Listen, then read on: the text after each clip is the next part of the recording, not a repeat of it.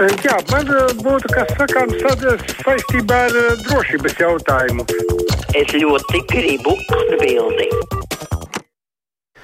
Brīvā mikrofona tāluņa numuri 6722, 888, un 672, 559, tātad 672, 888, un 672, 559, ar vienu mudinu mums rakstīt no Latvijas Rādio vienas mājaslapas no sadaļas kruspunktā vai brīvais mikrofons. Es sākšu ar, ar dažiem teikumiem no tā, kas ir rakstīts, atcaucoties uz iepriekšējo sarunu, Lāsma raksta, vajag stiprināt ģimenes ārstu pieejamību un atjaunot felčeru punktus, tad uh, neatliekamās palīdzības dienests mazāk pildītu sociālo dienestu darbu, uzskata Lāsma.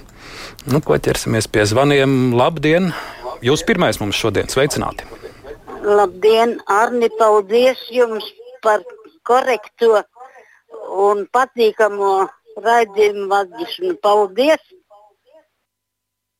Paldies, kundze, par, par komplimentiem un ka piezvanījāt.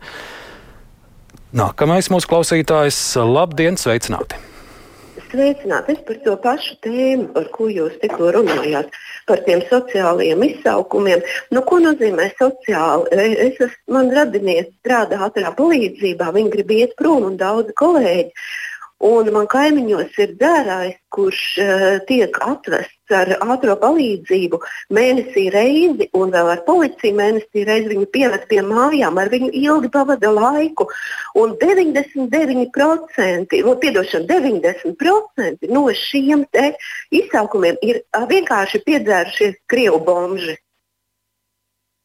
Paldies! Nu, kā jūs sakat, bomži vai sadzērušies cilvēki tur ir Tur ir aiba tā tautība buķe, tur nav tikai viena tautība.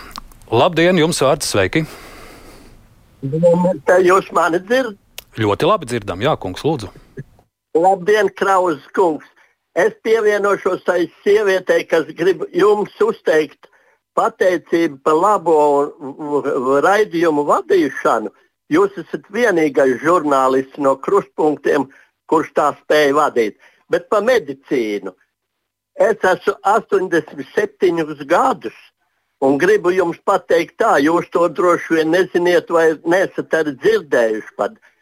Okupācijas laikā es ar savu kaiti piecēlos no rīta, aizbraucu uz poliklīniku, un es varēju tikt uzreiz, sēžot uz beņķīša koridorā pie diviem, ieņemot rindu, pie diviem vai trim ārstiem.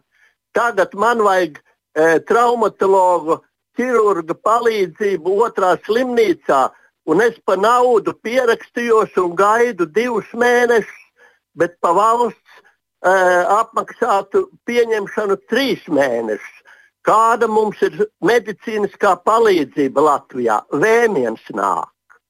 Jā, nu, kungs, nav patīkami dzirdēt, bet paldies par komplimentiem un kruspunktā. Mēs lieliski vadām visi trīs - Arnis, Māra un Māra. Aidis. Nākamais klausītājs, labdien, jums vārds. Halo! Lūdzu! Jūs dzirdiet? Ļoti labi. Es sakarā ar to velo un to braucu skūteru, visu braukšanu ķiverēm. Man jau tūlīt ziemā paliek 80. Es ļoti daudzus gadus braucu velospēdu. Un es esmu redzējis tur pasaules brīnumus, braucot velospēdu. Un pirmais, ko vajadzētu, vienalga vai brauca velospēda mašīna, vienalga kādu satiksmes līdzekļu vajag līdzi būt dokumentam. Lai es esmu redzējis tā, aptur policija tos puišaļus, kas brauc ar tiem skūteriem. Nu, ko ar viņu darīs? Tu pat nezini viņam 12 gadu, cik viņam gadu pakrata pirkstu, liek viņam nokāpt nos un ar to viss beidzās. Tur ir tā lieta, ka nav, nav rīktīgi tāda kārtība. Un tas pats jau arī jāizskauž, kā velo braucēji, e, puiši brauc neturot stūri. Un ne jau tā, es esmu pat tādus brīnumus redzējis, ka ne jau tikai stūri netur rokās, bet runā vēl pa mobilo telefonu, lai ļoti tā kā tagad saka, krūti izskatītos. Kā jūs iedomājaties, man tepat būs 80 gadi, es braucu, man šitās brauc pretī. Kā es varu justies? Tā ir kungs, un nu, vēl šorīt es nākot uz radio redzēju vienu kompāniju uz šī elektrobraucamā trietā ripoja te pa vecrīgu, un, un nu, Jā, nu es tur mēģināju kaut ko tur pakratīt ar pirkstu, bet nu, liela jēga jau no tā nebija, protams. Labdien, jums vārds, sveiki! Lab... Halo. Lūdzu, lūdzu! Labdien! Labdien! Uh, sakiet, lūdzu, man tāds jautājums. Pāris gadus atpakaļ mani no balviem aizveda uz Rēzeknes slimnīcu. Trūka tromps. Un mani aizveda uz turieni un bija insults. Un, un es pazaudēju aci. Un no Rēzeknes slimnīcas man pēc stundām četrām lika braukt uz Rīgu. Izdzina laukā, rupi sakot, izdzina laukā un lika braukt uz Rīgu uz biķernieku slimnīcu, to aci saglabāt. Kā izrādījās, to aci nevarēja saglabāt. Kā jūs domājat, es braucu ar taksi no Reizeknes līdz Rīgai, lai glābtu aci? Mm -hmm. nu, kundze ļoti skumji dzirdēt par šādu pieredzi, bet vienmēr vienmēr ja ir aizdomas, ka kaut kāda palīdzība nav sniegta vai nav kaut kas bijis profesionāli, ir jāvēršās veselības inspekcijā un tā tad visu tālāk arī skaidros. Labdien, brīvais mikrofons jums vārds. Labdien! Mani pārsteidz sistēmas divkosība. Tad, kad ir jāpaceļ elektrības cenas, degvielas cenas, nu viss, viss tas kopā, tad to liek darīt brīvais tirgus. Bet tad, kad šai brīvai tirgu ir gatava ienākt lēta labība konkrēti no Ukrainas, tad pēkšņi uh, Eiropā tas brīvais tirgus tiek aizliegts. Nedrīkst no Ukrainas ņemt uh, tos, tos graudus. Būtu mums lētāka maizīte, bet tad jau nu, pensionāri arī var spēst pilnu vēdru. Nu, kaut kā Jā, kungs palika pusvārdā, bet, bet, bet jūs stāstījumu sapratām, protams, jo īpaši Polija un Polijas zemnieki iebilst pret uh, Ukrainas graudu tranzītu, jo viņi uzskata, ka līdz ar to tiek kaitēts viņu interesēm. Labdien, sveicināti, lūdzu! Sveicināti! Uh, vispirms paldies uh, par to, kā Lienu Cipoli uzaicinājāt uz raidījumu. Um, Klausoties cilvēka jautājumu par skaņu signālu, kā ātrās palīdzības brigādes brauc. Bet nu, es reiz, kad Aidis Tomsons vadīja arī, ka intervēja Lienu Cipuli, un arī cilvēks iebilda un uzdeva jautājumu Rīgā pa brīvības ielu, ka brauc.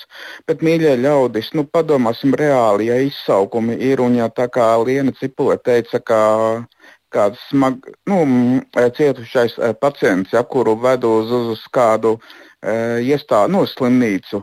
Ja, mums tomēr vajag saprast, ja es, piemēram, esmu no Dunkas, un, un arī šeit arī bijis, kad dzirdēt, nu, pa mazo ciematiņu, kā ir braukt, nu, un loģiski saprotam lietu, steidzam, palīdzība. Un vēl kas ir patīkami, ļoti labi, ka šīm mašīnām ir ieslēgts atpakaļ ātrumā, ka tāds skaņas signāls, jā, piemēram, nu, kaut vai tajā pašā juglā.